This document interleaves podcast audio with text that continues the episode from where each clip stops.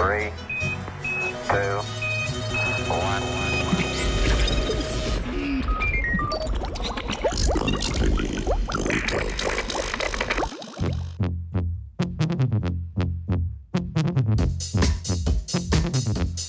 Znanstvenice in znanstveniki iz Združenih držav Amerike, Danske in Nemčije so v reviji Science obelodanili nova spoznanja o nadzoru živčevja nad imunskim sistemom. Z domiselnim pristopom so preučili potek črevesne okužbe s paraziti ob sočasni uporabi zdravil za astmo in tako dokazali, da se lahko odziv imunskega tkiva pod vplivom živčevja zmanjša.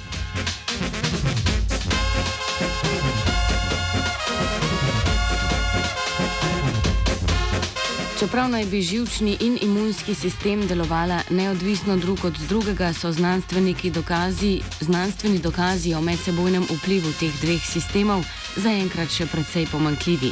Aktualna študija je pod lupo vzela dva na vides precej različna, a vsebinsko podobna unetna procesa: črevesno okužbo s paraziti in astmo. Oba unetna procesa namreč potekata na podoben način, z značilnim porastom proti teles IgE, limfocitov T in citokinov, ki spodbujajo unetje.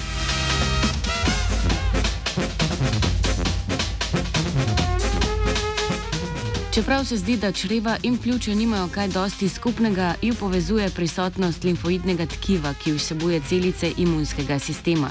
Tkivo oživčuje simpatično živčevje ali simpatik, ki se aktivira ob nevarnosti. Takrat simpatik sproži odziv beg ali boj, živčni impulzi pa se prenašajo z živčnim prenašalcem noradrenalinom, ki se med drugim veže na beta receptorje.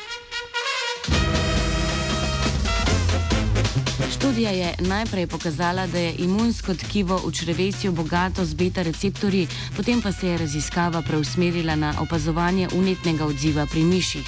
Opazovali so zdrava in gensko spremenjene miši, ki so imele manjšo stopnjo izražanja genov za beta receptorje.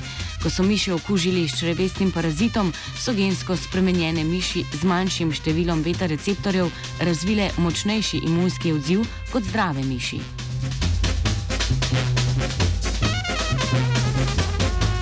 Ravno obratno pa se je zgodilo, če so zdravim mišim s črevesno okužbo dodali zdravilo za astmo salmeterol. Imunski odziv se je zaradi učinka zdravila, ki spodbuja delovanje simpatika in tako v pljučih širi dihalne poti, zmanjšal, število parazitov pa se je temu primerno povečalo. Podoben učinek so opazili pri vdihavanju alergena, ki bi praviloma moral povzročiti hudo unetno reakcijo v pljučih, a jo je zdravilo za astmo uspešno omejilo.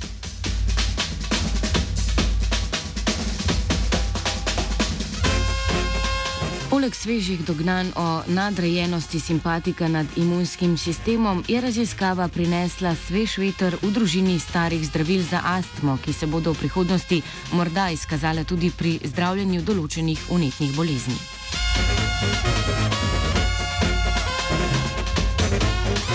Razmišljanje izven škatle v znanosti pozdravlja Andreja. Dajmo tudi astmatikom priložnost.